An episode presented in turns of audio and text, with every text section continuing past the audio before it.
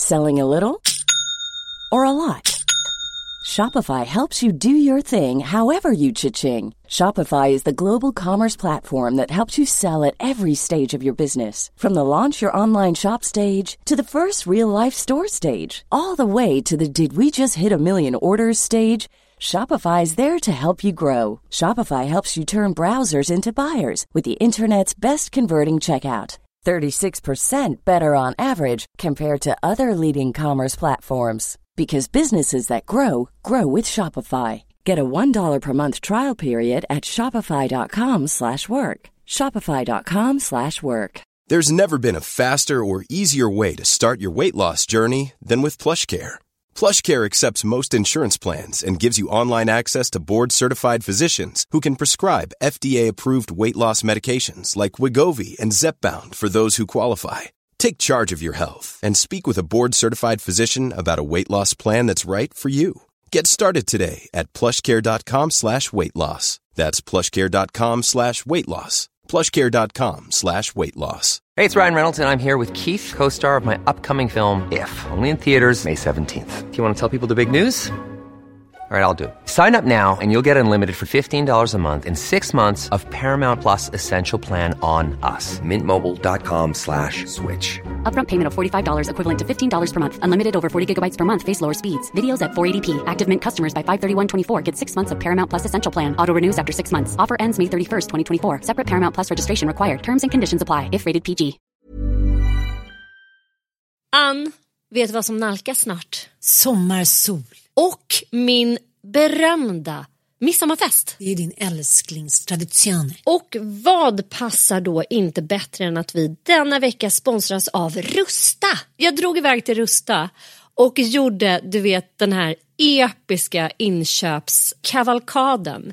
Alltså de har så mycket bord, stolar. Dynlådor. Och det roligaste av allt. Ja, Jag vet. lampor, mattor. allt det där.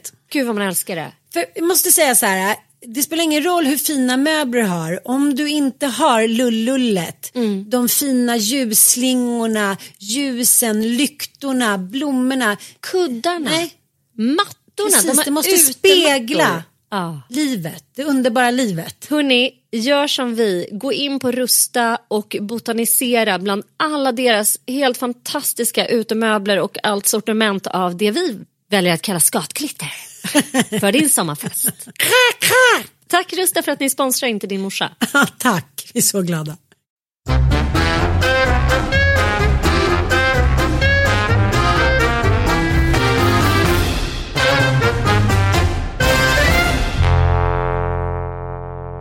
Varmt välkomna till Inte din morsa och det klanderfria ljudet. Klanderfria publiken som ni är. Smörar du? Jag smörar, jag skulle vilja Lyssna. göra, kan vi inte göra en show? Är det här med poddshower, är det någonting som fortfarande förekommer? Nej men jag tror att det var ju väldigt in the air med sån här Sigge och Alex och Hanna, Amanda, jag, Anita och så här. Men det kanske är lite ute eller också var det coronan. För de ställde in sin show typ fyra gånger. Så jag vet inte. Vet du vad jag har kommit på en grej? Nej. Ja, men åldersångest ska alltid botas på olika sätt. Så är det ju. Och så, så bara, men jag har ingen åldersångest.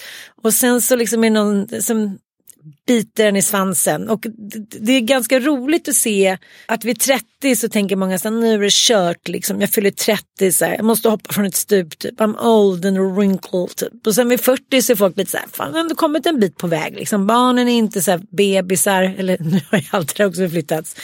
Och sen vid 50 är det så här, när man ser den där 50 år, man bara den här trappan liksom, den här gamla trappan som gjorts utav Då var det på topp va? Ja, 50. och sen går det nerför. Ja. Ja. Nu har jag allting förflyttat såklart. Alla är ju lite piggare och ser lite snyggare ut och liksom äter och lever bättre och så här.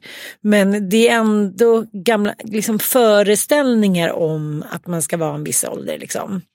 Det var en tjej som intervjuade mig idag och hon bara, "Ja, du kan läsa in eh, liksom vad du heter och eh, din ålder då så jag har det liksom. Jag bara, eh, jag bara, jag är 50. Hon bara, "Aha, mm. Jag bara, eller typ 49 men alltså, jag tyckte det var och då tänkte jag så här ålderskriser är ju de är ju lite parodiska att de följer liksom ungefär samma mönster. Mm. För män då liksom plus 40 när testosteronet börjar gå ner, vilket aldrig pratas om. Och då är det så här, gud, jag, är lite tunn och hårig och så här, pitten står inte på samma sätt och jag börjar få lite kula. Jag förstår att, jag förstår att det är jobbigt. Det är jobbigt för vem som helst. Det märker man ju som tjejkompisar som är i klimakteriet. Så här, helt plötsligt så är det liksom en degmage som kommer från ingenstans. Om man inte hade det nu innan. Och just där hur man ska förhålla sig till det och eh, men som en kompis till mig som var så här. Jag trodde vi hade liksom en eh, så här osynlig pakt att vi inte skulle göra sådana grejer som operera magen och sådär. Jag bara, jaha det hade vi.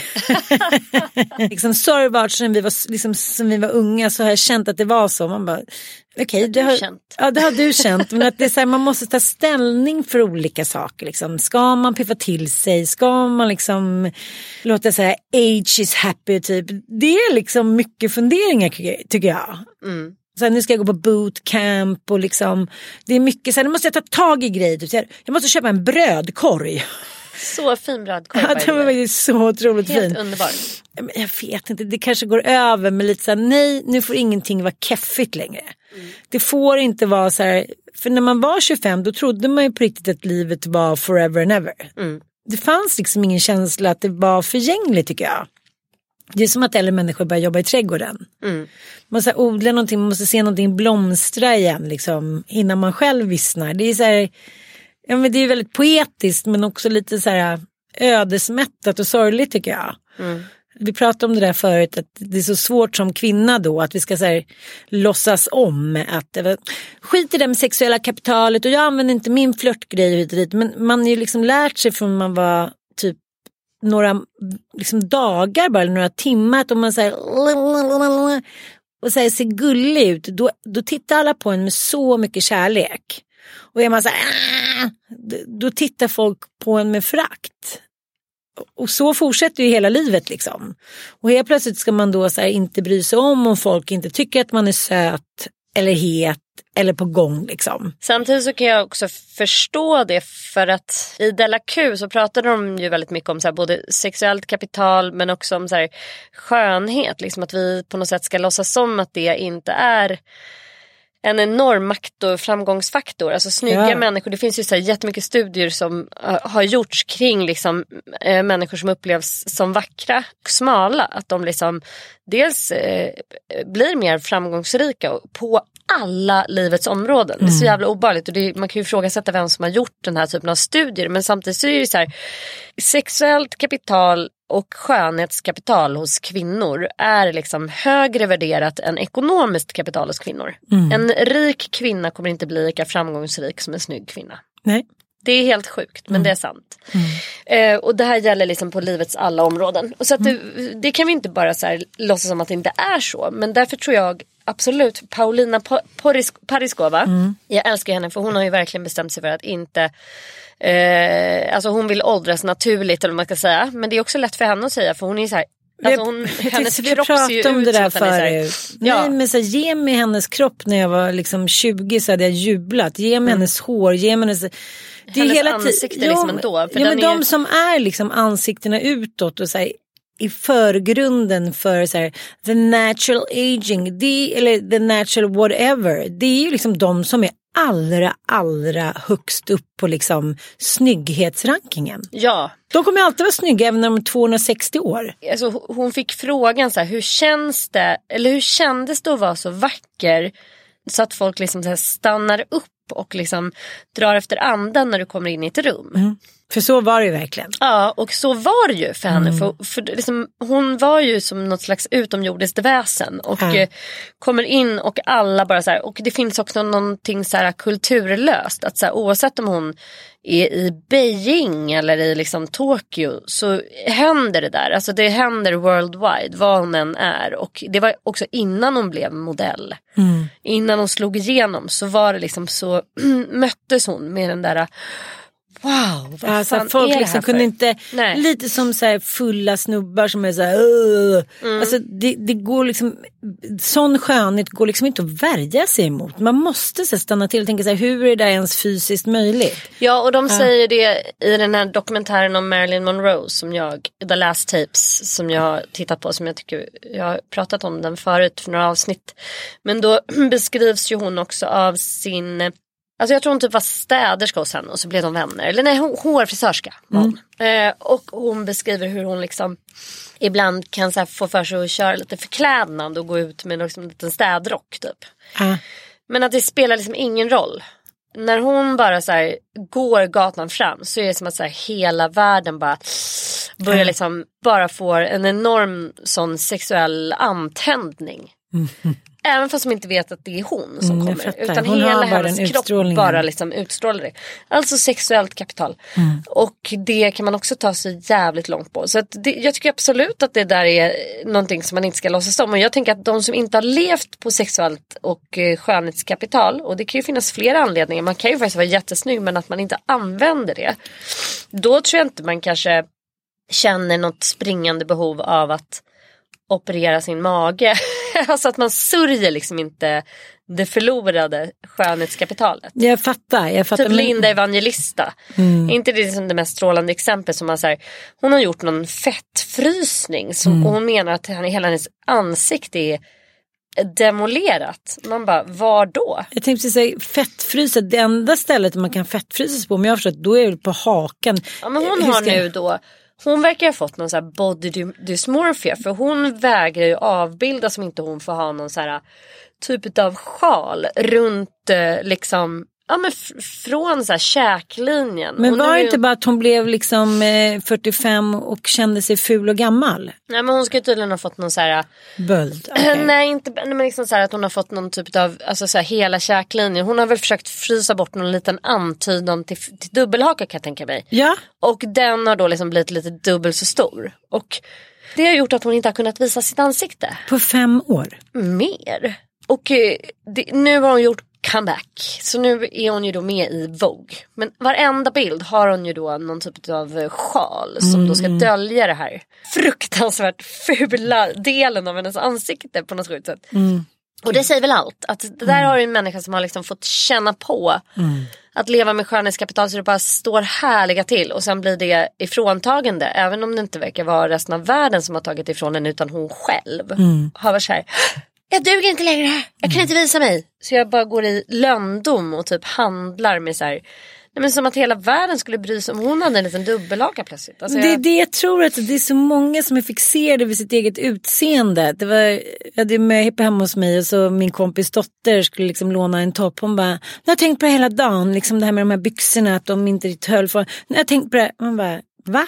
Jag känner ändå att jag är så bisarrt befriad. Ja. Från att gå, jag är medberoende på många andra sätt men inte särskilt mycket till min kropp. Men sen måste jag ändå säga att nu när jag liksom sytt ihop magmusklerna och fiffat lite och sen så sytt ihop eh, fittmusklerna. Det är många som säger så här, hej du har en helt annan aura. Jag tror mer att det handlar om så här, I did it for me, for me man, this is for me. Och då blir det så här, okej, man så här, står stadigt igen och man är så här, ja det kanske var lite jobbigt för alla runt omkring att jag var tvungen att vara sängliggande och typ sket på mig. Jag var tvungen att stå och äta och så här. Men jag, jag tog ett beslut att nu var det min tur att göra det här. Och det här är ju liksom det största mammagisslet tycker jag. Att det, är så här, det är fortfarande tycker jag att vi är så otroligt fast i en snara kring det där. Att så här, Va? Ska mamma vara trött? Va? Ska mamma ägna sig åt sig själv? Det är liksom mm, kossan mu på något sätt. Att, här, jag menar inte att det är inte Sen kan man ju prata om det och gud det är så kul för din skull men det är ändå liksom allting måste ju omfördelas och där har vi ju pratat om innan att så här, många äldre kvinnor så att det är första gången jag ligger ner för frukost på sängen när de ligger på sjukhus. att det är liksom det här glappet som fortfarande är mellan könen blir väldigt tydligt då. Och det är så här, jag har inte fått ägna mot mig själv. Att alla har en bild av vad mamma ska vara. Det är som jag säger till mina söner som när jag jobbar. De, tänker, de kan ringa när som helst och när jag säger så här, ni får smsa, jag sitter i möte. Men svara då, det är liksom ont. Och det tror jag är någonting manligt, att de hela tiden känner sig övergivna. Så fort man vänder bort blicken och är så här, nej jag har ingen lust just nu, jag ägnar mig åt mig själv.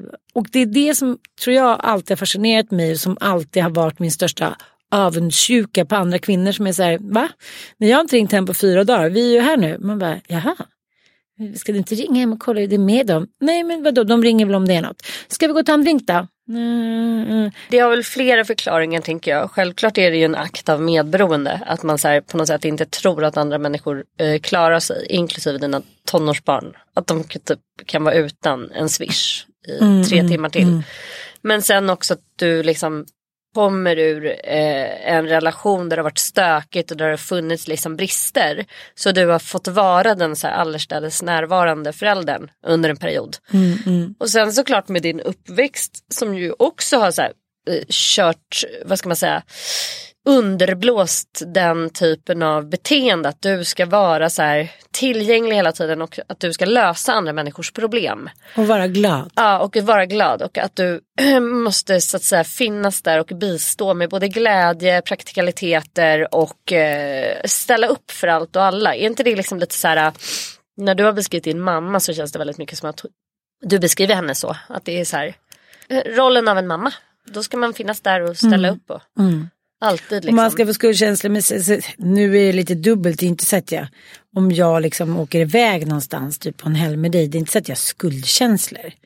Nej, nej, jag kan slappna av, men det är så här, jag måste köpa med en liten present. Det är alltid så här. Men det är inte, jag tänker mer med de andra, jag tycker mer att så här, hela den här uh, fria tillgången på uh, dig mm. som så här, uh, swish-apparat, liksom minst en gång varje gång vi poddar så är det någon av dina som smsar dig.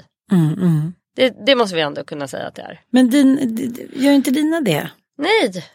Alltså, de, nej. De, nej, de har väldigt sällan ärenden. de, nej det har de inte. De, här, de har cash på kontot. Ja men de har eh, sin veckopeng och så ah. får inte de mer. Nej. Och eh, vill de ha något swishat så så, så skickar de ju ett mess. Ja, Lollo är ju klart att han kan hetsringa men jag försöker, jag vill inte ha den typen av, jag säger bara nej, jag tänker inte svara, jag jobbar. Men du svarar ju tyvärr. Ja, men, men det jag tänker på är liksom Blocka dem för fan. Ja, men jag läste en så intressant artikel om det här hur man kommunicerar i familjen det sätter sig såklart, det, det är ju hela grunden för harmoni. ja. ja men också harmonin i en familj. När alla kommunicerar bra så är det ju bra stämning hemma och mysigt. Och där är ju ändå lite roligt att så här, när Emma är hos oss. Mm. Då är det som så här, nu är Emma, då är vi två kvinnor. Och då steppas det upp. Alla hjälper till lite mer, alla vill ha lite mysigare. För att det är inte längre liksom att jag är helt ensam. Jag vet, det är bara lite konstigt. Men tror du inte att det handlar också om att det är någon form av social kontroll som tillkommer? I ett sluten familjesystem där ingen är inne. Det är då man helt plötsligt kan börja normalisera ganska risiga beteenden och konstiga saker. Typ att eh, en unge smsar 23 000 gånger. Mm. Och sen får man en flickvän som är såhär, varför håller du på hets? Ringer din mamma mm. hela tiden? Det är skitknäppt. och då bara shit, alltså social kontroll. Att någon kommer utifrån och ser mm. liksom ett mm. osunt. Eh, och då kan ju familjen antingen svara med att bli då så här, Romeo och Julia komplexet. Så här, Fan är det där för jävla utböling? Mm. Som kommer här och ställer krav. Och är liksom så. För vi minsann har inga fel och brister här. Nej. Men jag tycker generellt att det alltid är uppfriskande när det kommer in, eh, liksom när det är öppet. För då skärper alla till sig lite. Mm. Och bara, men jag tänker också, så här, jag läser lite om det här paradoxal kommunikation. Mm. Det är liksom ett beteende, det vill säga det kallas då att kommuniceras, att meddelanden som kommuniceras är inkongruenta och tvetydiga. Mm. Mm. liksom, och då hamnar barnet i någon dubbelbindning och där kan jag känna igen mig lite så här, okej, okay, slutar av nu, så jag jobbar, fattar ni inte det? Och sen mm. bara, Hej, ja. hur går det? Så här, ska jag ta med någonting hem? Att, så här, jag kan vara tuff men sen får jag lite second thoughts. Och mm. är så här, måste på något sätt liksom kompensera, kompensera det. Fast det är som mina barn säger, det, finns ingenting att kompensera, sluta vara så snäll, liksom, var lite mer som pappa. ja men det är det. Det är väldigt stora problem. Ja men lite så här, nu måste du göra det själv men å andra sidan så kan jag göra det nu när jag ändå är på väg hem. Ja, det där håller jag ja, mycket på med. Ja det har, så där har jag haft så mycket. Att Ja. jag är så här. Du kan inte hålla på och utsätta mig för att, liksom, att jag ska hålla på så här. Men, men, men, men då, ja jag gör väl det då. Alltså så här, lol, Men ändå gjort det. Ja, nu, nu är jag ändå på väg. Du kan inte fan hålla på så här. Nu är jag liksom, sitter jag i bilen. Nu kommer jag. Okej jag köper med hamburgare då. Nej det, det, det är bara medberoende älskling. I'm sorry. Det Jag det. vet men så är jag... Vi har inget att skylla på förutom att bara försöka träna på att göra annorlunda. Och jag läste också någonting som kan vara motiverande för oss i detta nu. Eh, följer en skitspännande barnpsykolog. Eh, gud jag älskar mitt flöde at the moment. Mitt Instagramflöde. Jag har hört så många som klagar på att det är så här, åh den här algoritmen. Algoritmen gör att man så här, och jag kan hålla med. För det, det är två typer av liksom konton som har börjat poppa upp hos mig på grund av algoritmen. För att de tror att jag älskar då tydligen polyamorösa par. Du får berätta vad det är älskling. Ja, men, det här är ju typ av av så romantisk relation där man vill vara ihop med flera. Och troligtvis har jag då eh, suttit och scrollat i mitt flöde och så Ja, har det poppat upp någon liten sån artikel från tidningen Allas. Typ så här, Mia lever med två män. Klick! Mm. Gillat. Clickbait. Ja men då har jag gått in Det är lösningen direkt. på allt i och för sig. Ja, och då bara, åh vad roligt. Så här. Och så läser man liksom. Men då tror ju nu hela min Instagram att jag bara vill följa olika polyamorösa människor. Och det roliga med min scanning då i den polyamorösa världen. Det är att de flesta som lever då polyamoröst ver- verkar vara liksom så otroligt svennebanan. Konventionella. Aha. Familjeivrare. Förutom att de på just det här planet där vill Ja. de vara liberala och här ska det vara liksom öppet och högt i tak. Men i övrigt ska det åkas husvagn. Det ska ätas falukorv. det, ska gå, rätt. det, ska liksom, det ska firas en traditionell midsommar med familj och släkt och vänner. Det ska vara lika, mm, vad ska man säga, kristet moraliskt att man är gift med båda. Men det är ju förbjudet i Sverige att vara gift med två. Så jag är bara gift med Jörgen. Men jag är ihop, men även, det är mitt stora mål i livet. Att jag ska få gifta mig med två. Förstår du vad jag menar? Att de lever Amish. liksom, Bettan Amish. ja, fast här är det ju då liksom en, en kvinna som har flera män. Väldigt Lucky her. Spännande. Mikaela. Så jag nu börjat följa. Ja men det är en typ av konton som jag då plötsligt bara översköljs av. De polyamorösa kontona. Sen har vi en annan typ av konton och det är liksom så här. Det gör att jag får så här varselkänning och alltså jag bara känner så här nästan att jag lever i en skräckfilm. Och det är för att jag då vid något tillfälle eh, följde något konto så har jag fått läsa om något begrepp som kallas för regnbågsbarn. Äntligen kom mitt regnbågsbarn. Ja.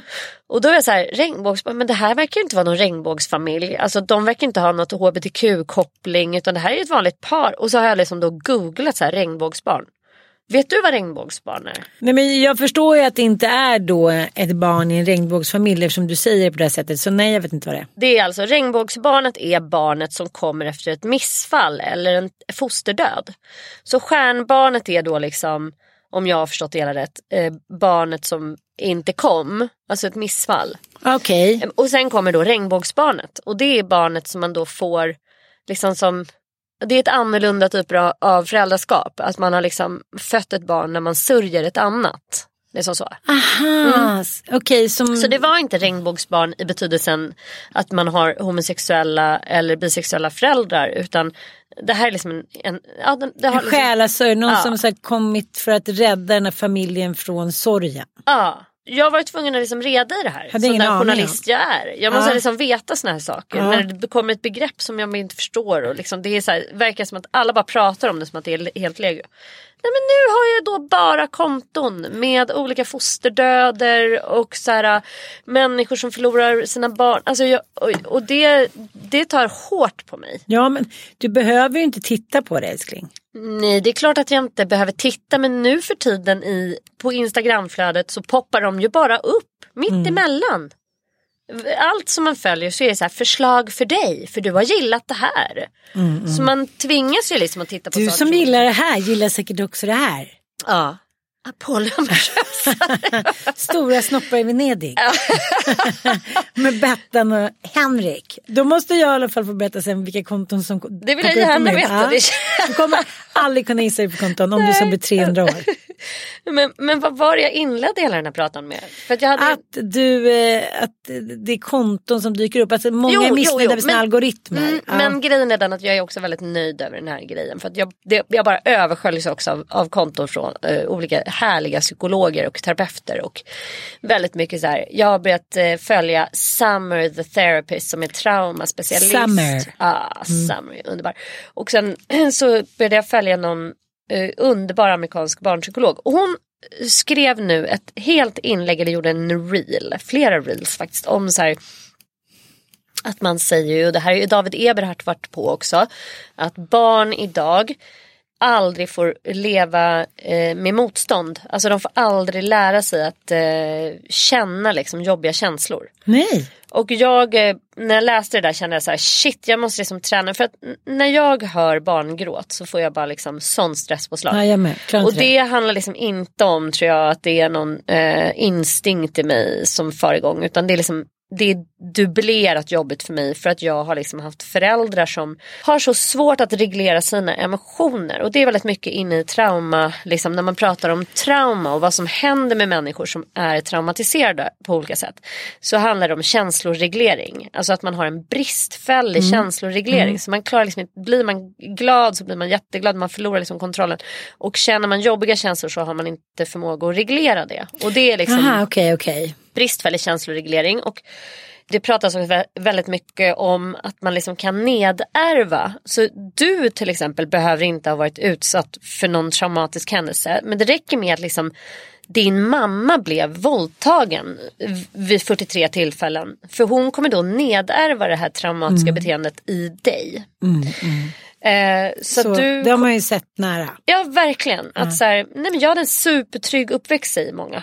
Fast jag vet inte varför jag har så mycket ångest. Jag vet inte varför jag är rädd för det här. Jag vet inte Jag varför jag är rädd för... Nej, jag gillar inte sex eller jag har liksom svårt att... Och jag kommer ihåg när jag var på ett eh, möte, eh, ett ACA-möte, minns jag att det var en man som sa att han bara, det är så jävla sjukt för jag är strykrädd. Fast jag aldrig har blivit slagen. Och så kom han liksom på att hans pappa har blivit så här jätteslagen under hela sin barndom. Alltså han har blivit misshandlad som barn av sin pappa och då har han bestämt sig för att jag ska minsann aldrig slå mina barn. Mm.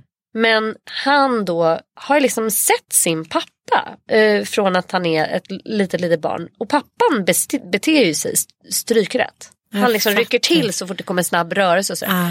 Och då har, man, då har han liksom ärvt det beteendet. Att man liksom så här hajar till. Men hon skrev i alla fall hur man liksom ska tänka när, när ett barn går in i frustration, när ett barn går in i sorg.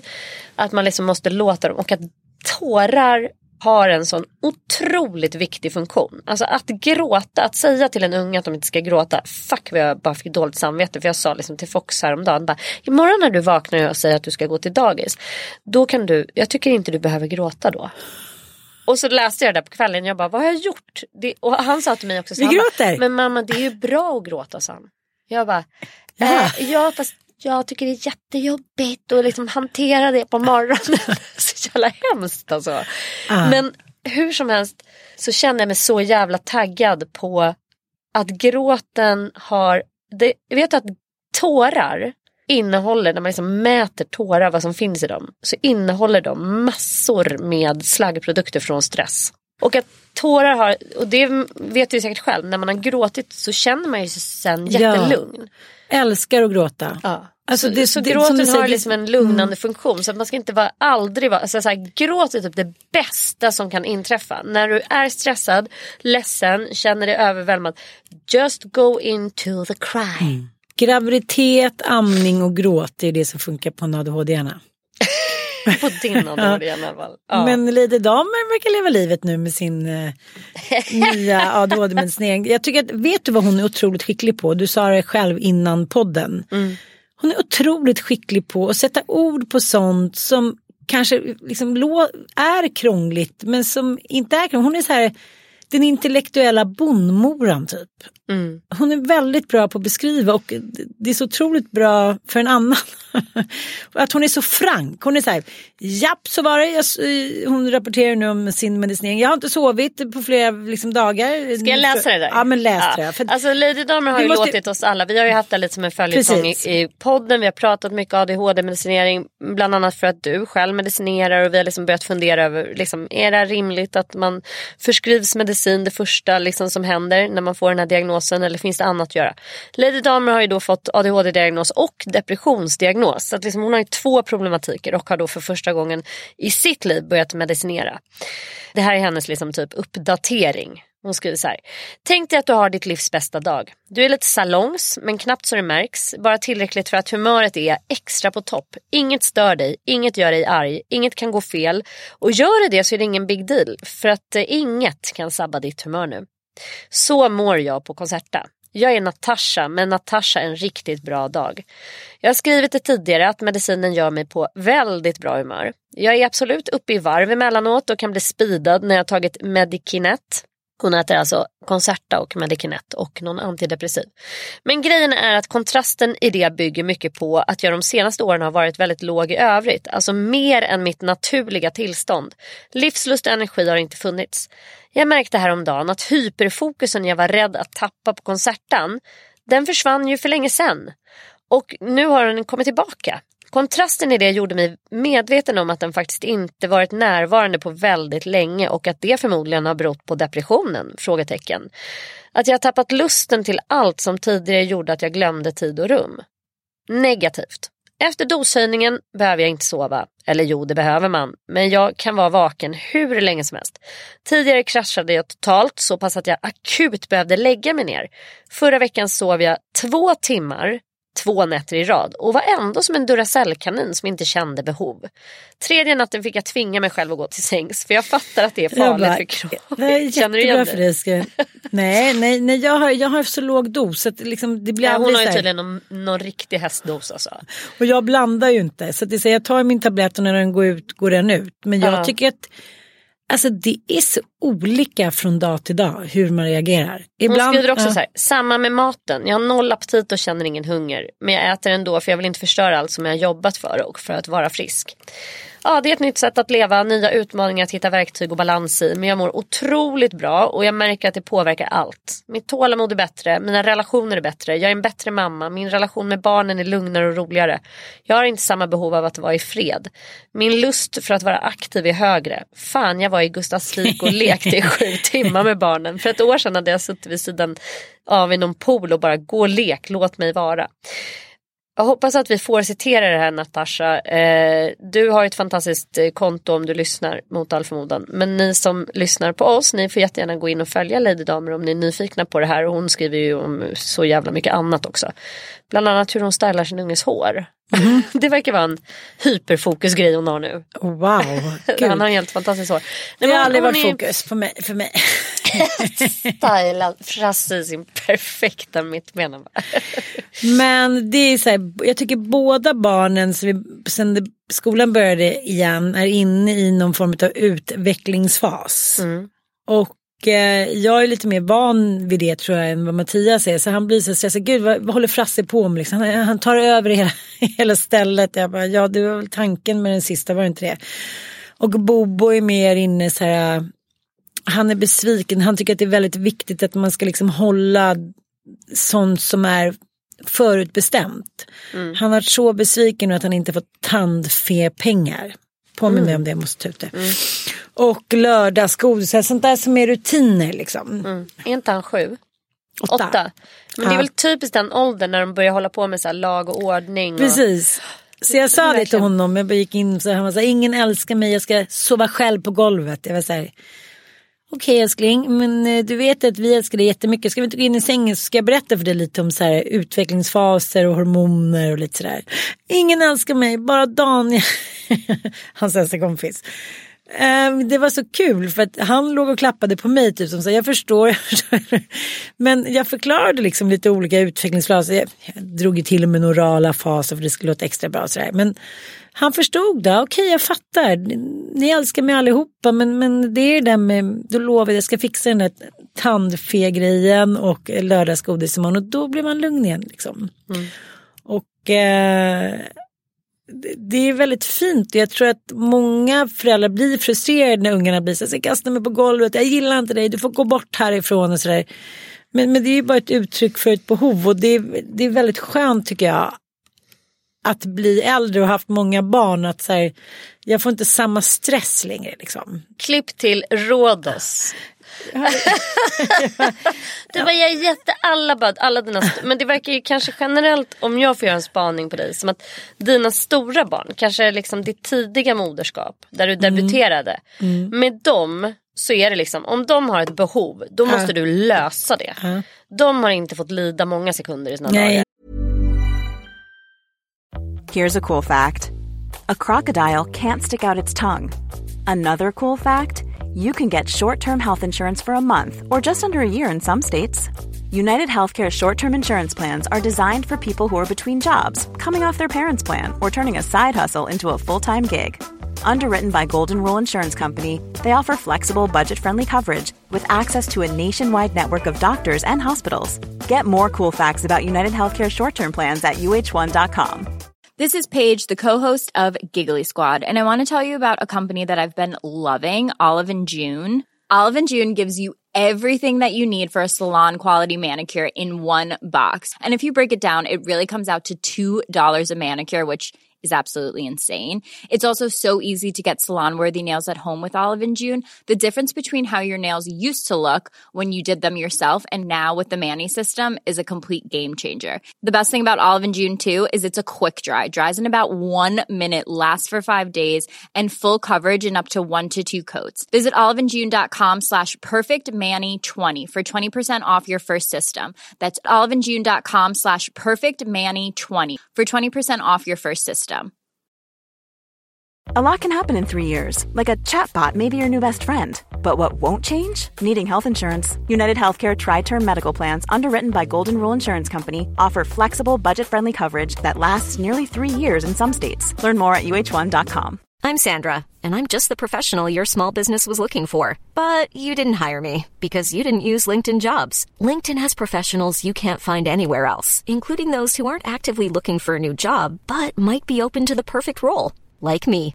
In a given month, over 70% of LinkedIn users don't visit other leading job sites. So if you're not looking on LinkedIn, you'll miss out on great candidates like Sandra. Start hiring professionals like a professional. Post your free job on linkedin.com/people slash people today.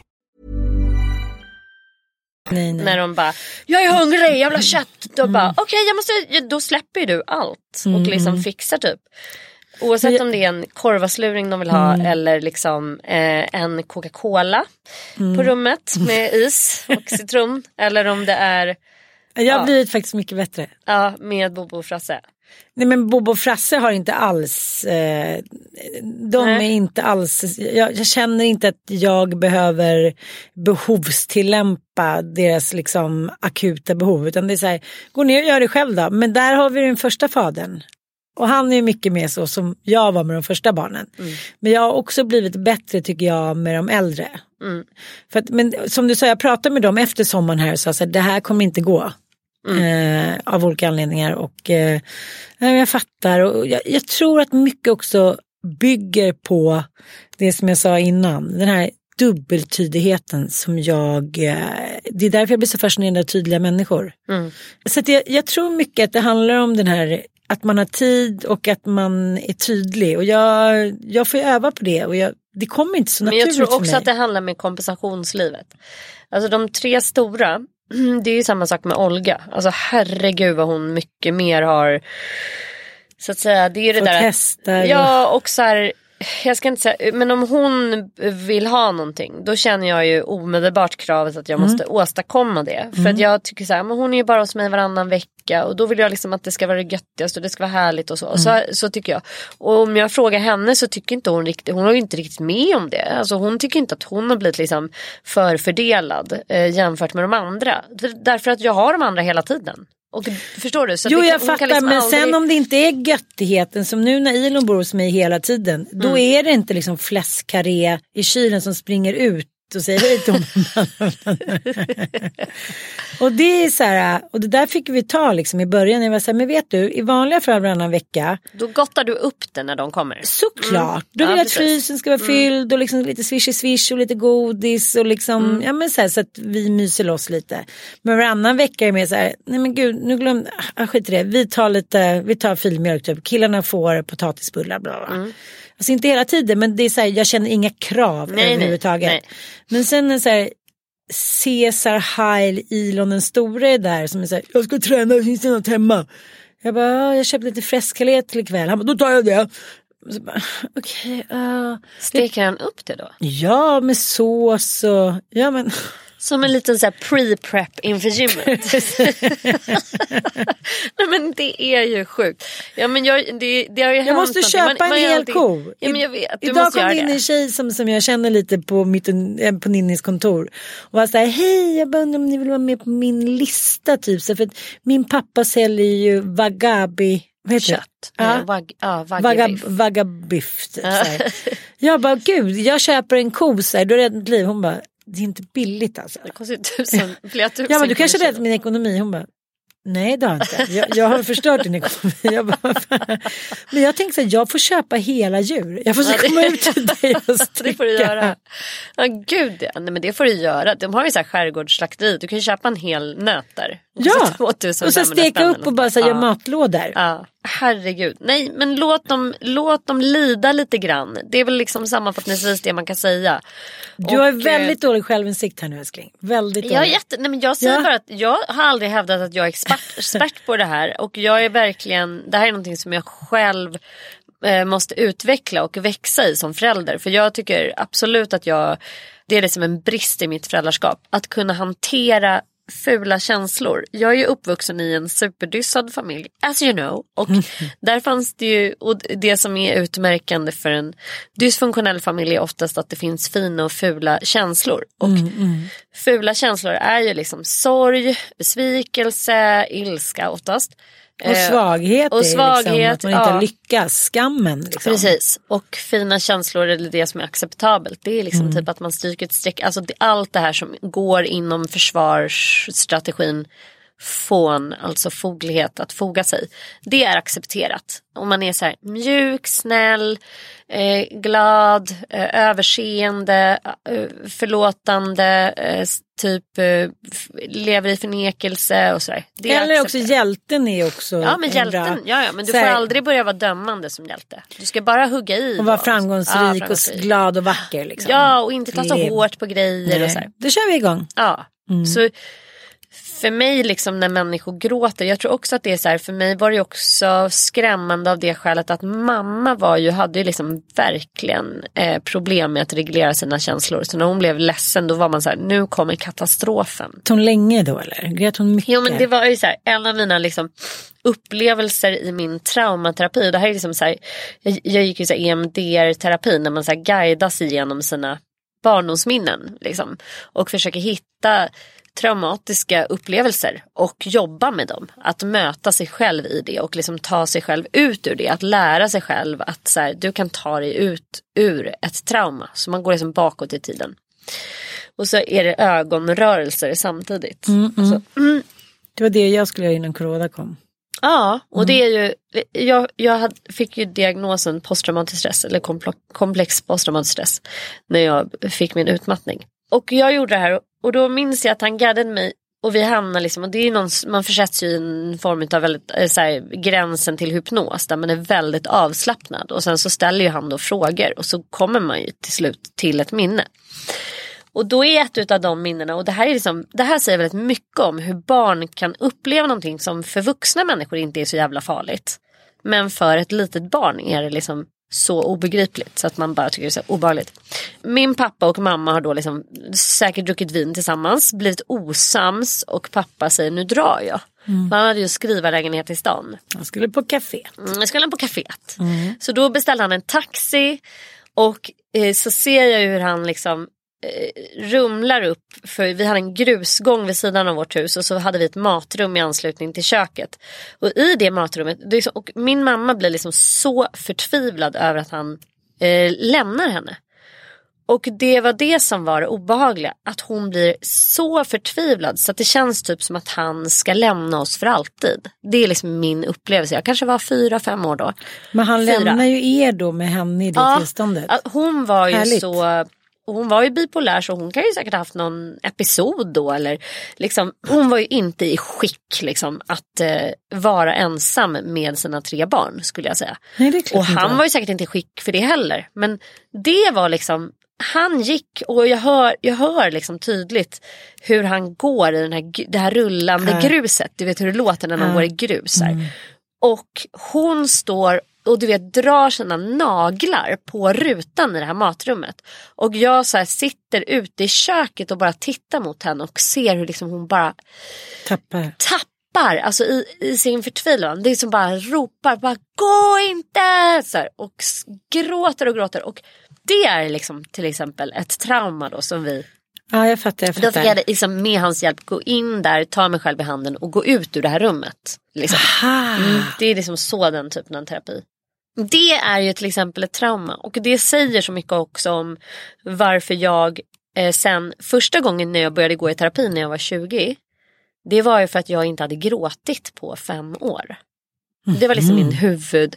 För jag väntade ju Olga då och jag kände så här, det är jättekonstigt att jag liksom inte har, och ville påpeka det också. Bara, det är så jävla sjukt, du kan liksom inte, du blir aldrig Vadå, satt ledsen. han och lipade ofta eller? Ja, men alltså han är ju som en sån Nej, jag kan inte säga att han grät ofta men han hade ju liksom Ja, tillgång ja. till, till gråt var liksom ingenting som var konstigt i hans värld. Men alltså de här- män jag varit ihop med, då, jag kanske har sett liksom min pappa gråta en gång, mitt ex gråta en gång och min nuvarande aldrig gråta. Mm, Vi kan bara raskt konstatera att alla män är liksom Ja. traumatiserade. Men att förstår här, du? Ja, det är så sjukt. Liksom, för den som du pratar om, den releasen när man har gråtit Mm. sådär mycket när man sitter i soffan, då, då, det är liksom som en sån varm filt av mänsklig och gudomlig värme som är så här, du klarar det, det var Ja. inte så farligt, nu har jag gråtit, sen, det är en Nu kan du ta ett nytt tag. Ja, det är liksom som en sån liksom eff effektiv bearbetning av vad som helst. Jag vet.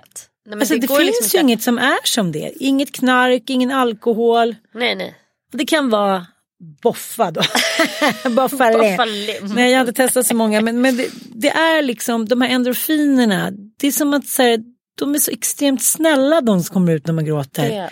Det är liksom väldigt lustigt. Mm. Det är väldigt smart av så här, av Gud. Gud att ge oss dårarna. Nej men det är faktiskt smart av vår mekanism på något sätt. Det säger någonting om vår så här survival mood. Att så här, Mm. Man gråter och sen så bara blir man lugn och så kan man sova och sen kan man vakna upp och bara nu jävlar tar jag ett nytt tag. Liksom. Mm. Eh, Och att nej man ska fan aldrig vara rädd för gråt. Och jag eh, jag är så glad att jag har tillgång till min gråt och jag brukar tänka på det att så här, när jag helt plötsligt börjar reagera sådär som en robot att bli så här i freeze då är det ju något riktigt jävla fel. Alltså.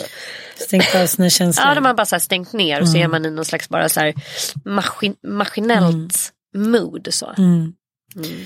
Det var ju så märkligt när en av mina stora söner eh, kom till Mallis och så det hade varit massa strul på vägen dit och plan som blev felbokad och liksom ja, tjafs med deras pappa och liksom det var på en nivå att jag tror att de kände så här, nej men vi behöver inte vara med om det här. Det får liksom de sköta och så blev det inte riktigt så. Och eh, jag tror liksom det påverkar dem väldigt mycket och det är väl lite så i en miljö där eftersom vi har umgått så lite, haft så lite kommunikation så har de ju vetat liksom, det har väl inte varit världens bästa stämning hela tiden men de har i alla fall inte fått det serverat och nu fick de det. Då tror jag att de blev så liksom besvikna, särskilt på en av parterna. Eh, och sen när de kom så blev det liksom lite grejer som hände och eh, så en av dem så här, liksom, han är så stor och vältränad och liksom och bara grät som ett barn. Han bara, orkar inte med att ni bråkar, varför, jag behöver inte säga exakt vad han sa, men varför blev det så, hur kunde det bli sådär? Den känslan, jag tror aldrig jag känt mig som en sån dålig människa. Jag förstår att jag gjorde mitt bästa men jag kunde ändå inte skydda dem. Och det spelar ingen roll om de är 18 och 20. Jag är så här, och det, det, det är då jag känner så här, när, liksom, när ens partner eller liksom liknande vuxna inte kan hålla sig inför barnen, då blir jag mordisk. Ja. Då är det morden i Sandhamn alltså. Då är det så här, nu är det över. Nej men då har jag ingen längre pardon. Då är det så här, det är en gräns som överträtts. Då är jag så här, då har jag liksom noll respekt kvar. Det är en väldigt märklig känsla. Från så här, medborgaren säger jag fixar det, jag betalt det. Så här, I'm coming fucking after you. Och det där hände mig en gång när en av mina bästa kompisar blev gravid. Och jag visste inte att de hade hållit på länge och bli, försökt bli gravida. Det var andra barnet.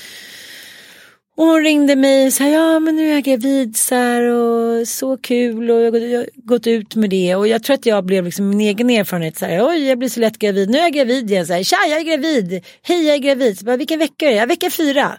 Jaha okej, jag har aldrig liksom, aldrig haft någon så här som vissa kompisar som är som säger så här, men nu har jag gjort Vänta till vecka 12 eller Nej, men jag har ju vissa som väntar. Jag har en kompis som berättade det i månad sex nu.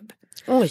Men Så att det verkligen så här skulle vara klart. Mm. Så jag tror att jag eh, berättade det men för liksom någon gemensam kompis. Hörde du exen med barn liksom. Mm. Tänkte inte mer på det och sen så ser jag så här fem missade samtal från henne. Mm. Och sen ser jag bara så här. Du ringer mig, I'm gonna haunt you down. Och det är, liksom, det är samma känsla när man känner här, någon har gått över mina gränser. Mm. Det är en väldigt speciell känsla alltså. När man känner så här, it's the point of no return. Det är här, jag kan aldrig gå tillbaka. Och vissa har ju liksom eh, om en mycket högre gräns såklart. Men det är också så man vet aldrig när det ska komma. Kan, har du förutsett så här, nu visste jag att det var droppen. Med vänner eller med någon kar eller med föräldrar. Jag tycker det är väldigt svårt. Helt plötsligt är det någon känsla i kroppen som man känner så här. Nej men nu gick det inte en gång till den här gränsen som. Och det gäller ju, jag har ju varit likadan mot människor så jag ska inte säga så här, gör, gör en goda fen. Men, men Men jag tycker så här, jag, jag läste också så här.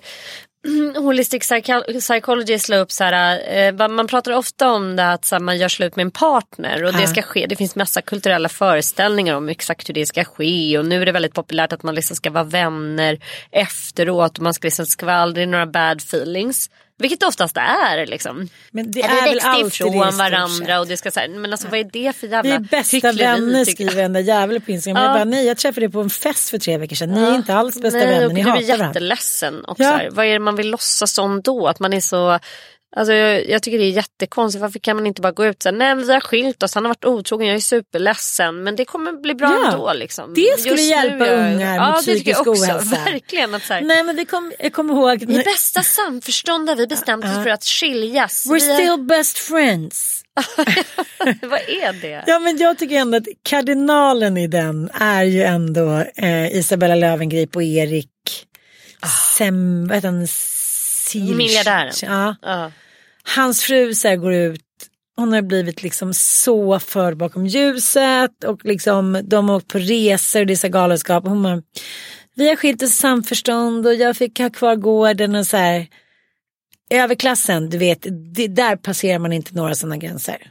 Utan där är så här, man blir väl vid sin läst. Jag tycker det är så jävla befriande med folk som är så här, han var otrogen i jäveln, han körde över mig, han ska vara barn med någon annan. Så här, May you burn in hell. Har vi någonsin sett det i överklassen?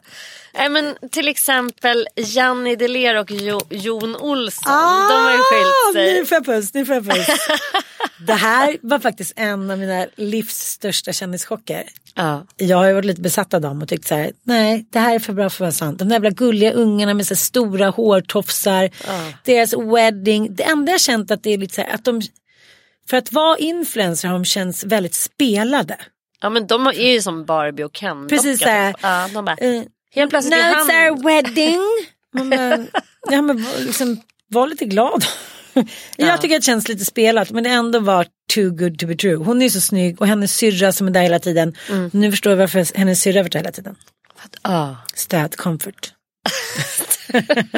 så man blir bästa vänner. Man bara, nej men vänta ni fick en bebis för sju timmar sedan. Och så här, ja, jag vet. man fattar att någonting har hänt. Ja, det Ja. måste det väl ha gjort. Alltså, det verkar jättekonstigt om de i lugn och ro ska ha så här, nej vi gled ifrån varandra. Nej. Barnen är så här två och ett år. Man nej, bara, nej, när hon är inte ens ett år den yngsta.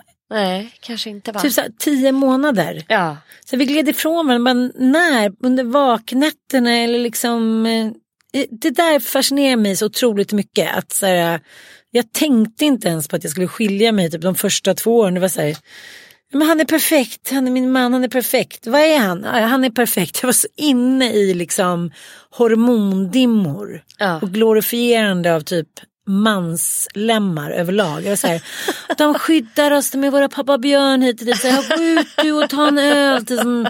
Nej, men... Nej men vadå, har vi inget inofficiellt skvaller? Nej, Nej, inte. inget. Alltså jag är verkligen så långt bort ifrån dem. Men jag tänkte just på det där att så här, för fan vad det hade varit hjälpsamt om de hade bara fått gå ut så här. Vi är skitledsna, vi klarade inte den här tvåbarnschocken liksom. Vi ja, slutade ha sex, det var det som hände. Alltså att man kan vara lite Jag ärlig. fattar men du måste läsa upp hur de skrev. Ja vi ska göra det. Från att Alltså- så här, veckan innan så här, stå på sig så här, we're so happy as a family. När vi får, jag kunde liksom, där mina drömmar uppfylls. Så här, vi är i lugn och ro bestämt det här. Man bara, i lugn och ro för mig det är typ fyra år. Ja, men det är också kul att hon sen jobbar på med olika outfitsbilder direkt efteråt. Det är så här, okej så här skriver de också på engelska. This is probably the last post we ever thought we would write but early this summer we decided to not be a couple anymore. Now when it has sunk in for us both we thought it was time to share it with everyone uh, here that has been a part of our journey. Hjärta! We have had 11 Journey. amazing Det years låter ju together. spännande, det är inte spännande. Nej, lots of adventures, lots of love, lots of happy and tough times. And we created two amazing kids that we love more than life. We will always love each other, just in a different way. We've grown apart and we believe that all relationships can change. So instead of being a couple, we will be a family with a lot of love in a different way. Alltså extremt eh, liksom moget och vuxet. Och jag säger bara att jag har liksom aldrig ens varit i närheten av något så moget och vuxet någonsin i hela mitt liv tror jag. Jag har en kille som är så här, ett ex som jag är, jag har ändå två ex som jag är liksom det bästa vän. Jag är det egentligen med alla utom Jo men efter ett år kanske. Men precis i brytpunkten. Var du såhär, hej då barn." älskling, nu är du min bästis istället. Och sen så går man ut genom dörren och så hörs man och tar en kaffe dagen Nej efter. men det är också så här, det var så gulligt. Jag träffade en kille vars fru hade lämnat honom och han grät och grät. Det här var tidigt i somras på en fest. Han bara, du måste förstå, hon var inte bara min fru och mamman till mina barn, hon var min bästa vän. Jag var så här, Aha. alltså för mig är det så här, nej, nu är liksom, nu är det slut. Jag har aldrig känt så med någon av mina snubbar så här, this is my best pal. När man är nykär så är det ju så att man säger, jag vill vara med dig jämt, kom igen vad roligt vad vi dansar omkring här i solnedgången i Spanien eller man vill göra grejer, man åker skidor, bla bla. Men sen så blir det ändå så här, ja det är klart att man är vänner, men jag har aldrig känt så här, nu vill jag bara snacka med min snubbe om det här innersta känslorna jag har. Det har jag gjort också. Men det har varit lika viktigt, om inte viktigare ofta med tjejkompisar. Så när han sa så här, jag, för, jag tyckte det blev så monumentalt. Men vet du att jag tror att det är väl ett typiskt ganska manligt drag. Alltså Från min många mamma. män. Ja, men, ja, men jag tror att många män. kokerska, Ja. inredare. Men de ska ha sin, de, de säger upp bekantskapen. men man tar Mattan inte dras liksom- undan. Ja, de Allt bara, det shit, härliga jag hade byggt hade. allt kring det här. För att då behövde inte jag ta ansvar över några andra relationer. Jag behövde inte fixa någonting. Och så helt plötsligt bara shit jag har ingenting. Så jag tror skitmånga killar som gör så. Men sen tror jag också så här. Alltså verkligen har jag sett par som egentligen kanske borde ha varit vänner. Där det är liksom så här, åh gud de älskar varandra så mycket men de är inte best pals. Mm. Ja. Det här är två liksom bästisar. Och så försöker de liksom Pipperiet krampaktigt liksom- försöka pippa för att man ska det typ. Mm, Men eh, det är liksom inte det som är deras huvudsakliga. Så att de kanske har liksom, ja men så låtit eh, attraktion och så vara sekundärt. Ja, men det är också så roligt med eh, Har du några bästisar där du känner så här, men det här är ett par som är som två så här tranor. De liksom kan inte leva utan varandra på Men riktigt. en kompis mig, med hennes första relation med barn Mm. så var det ju så att hon bestämde sig bara för så här, han är ett good catch. Mm. Men supergullig och snäll. Man märkte så här att ligga var ju inte för liksom sex och kåthet utan det var ju för att bli med, med barn typ. Mm.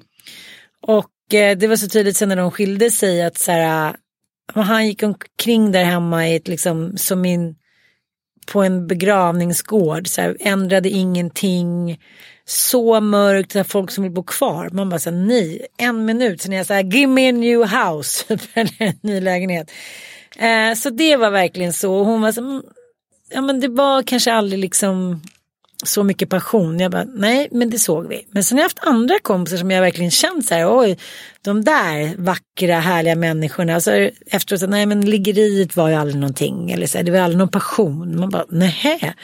Men jag måste tänka lite, ja, jag har, jag har nog några sådana som är liksom, som håller i bara. För att jag tror att de, de skulle bli vinklippta utan varandra. Ja. Så det blir någon sorts hatkärlek. Ja. Att det är så här, man är ganska, ens behov är inte tillfredsställda. Mm. Men it's like too late for goodbyes typ. Det skulle inte vara bättre utan den andra. Och det är väl ändå den måttstocken man får ha. Mm. Vare sig man tycker sexlivet är dåligt eller liksom det är vissa grejer man inte passar ihop med. Så är det så här, är jag lyckligare och mår jag bättre när jag är med hen? Mm. Ja då kanske det är värt det då.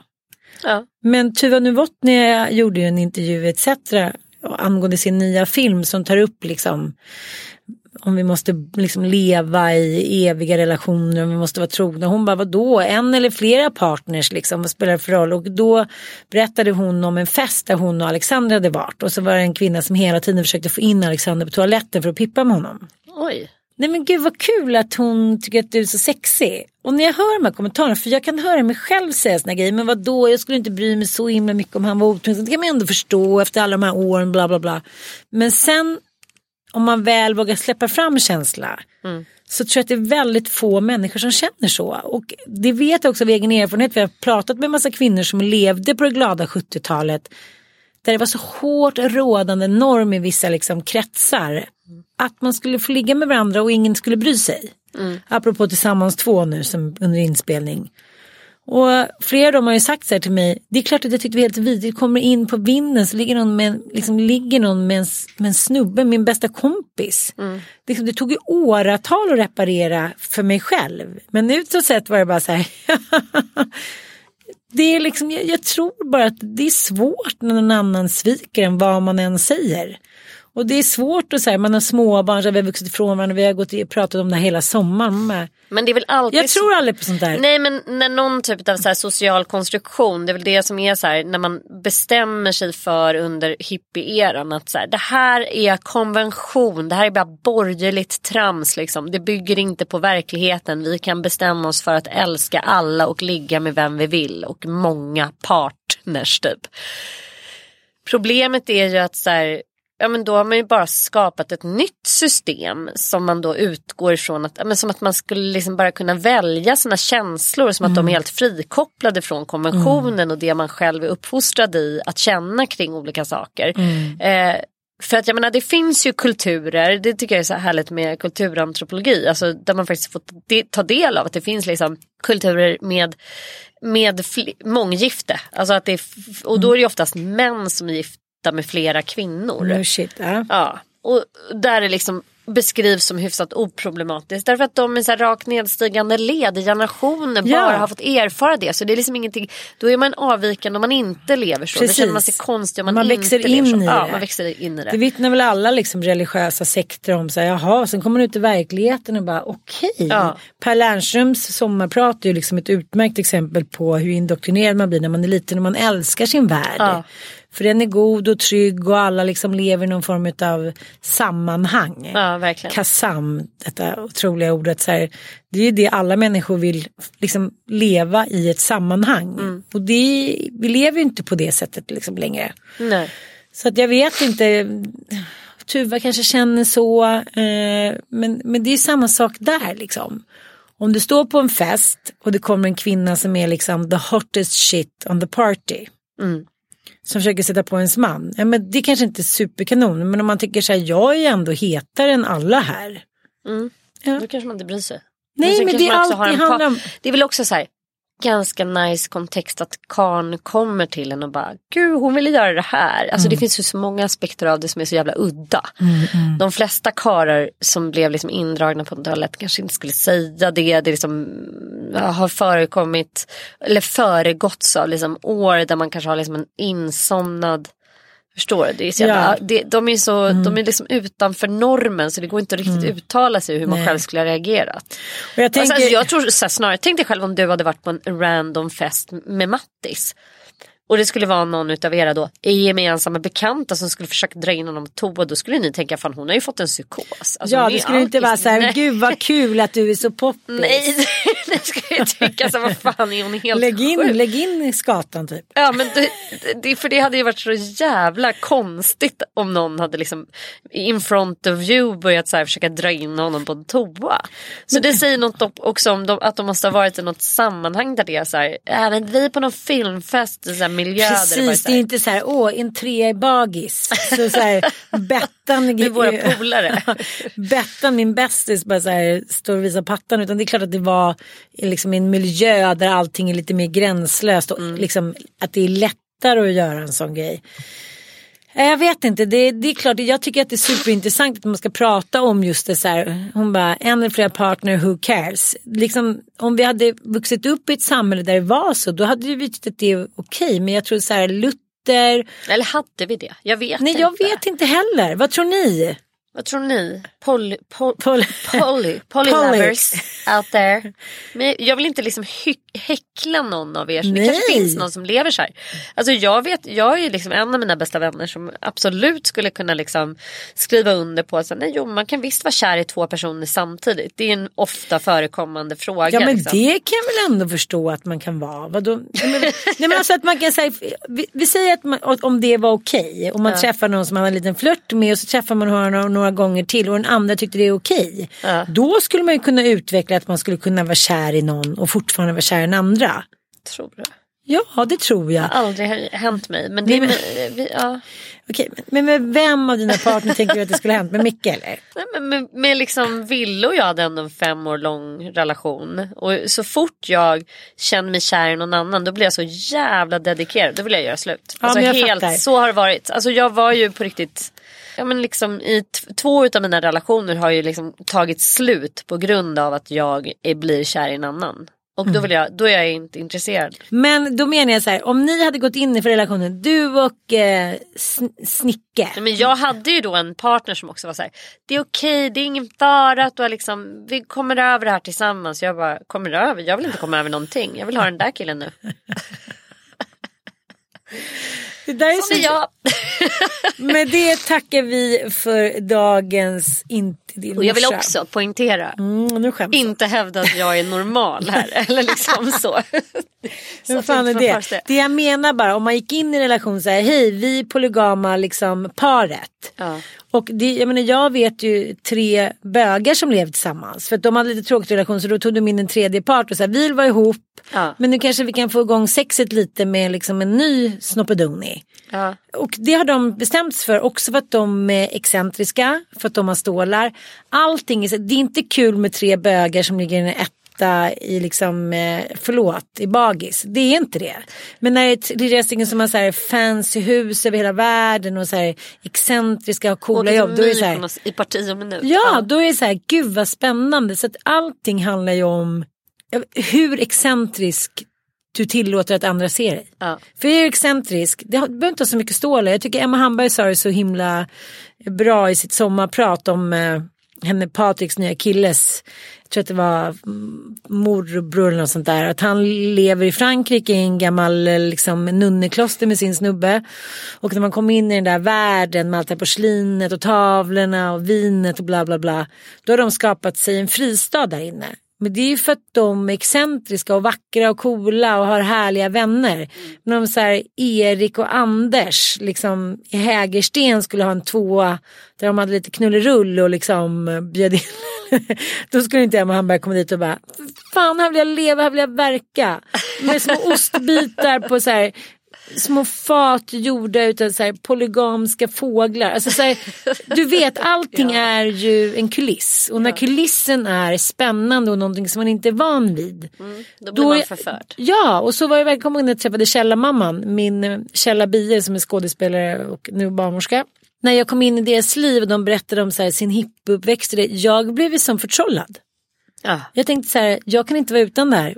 Var är hennes bror? Nej, så tänkte jag inte. Ah, ja, hör gärna av er och eh, berätta hur ni tycker om det här. Ska det vara en eller flera? Är ni polygama Bettan eller kristna Lena? Tack för att ni lyssnar. Puss och kram.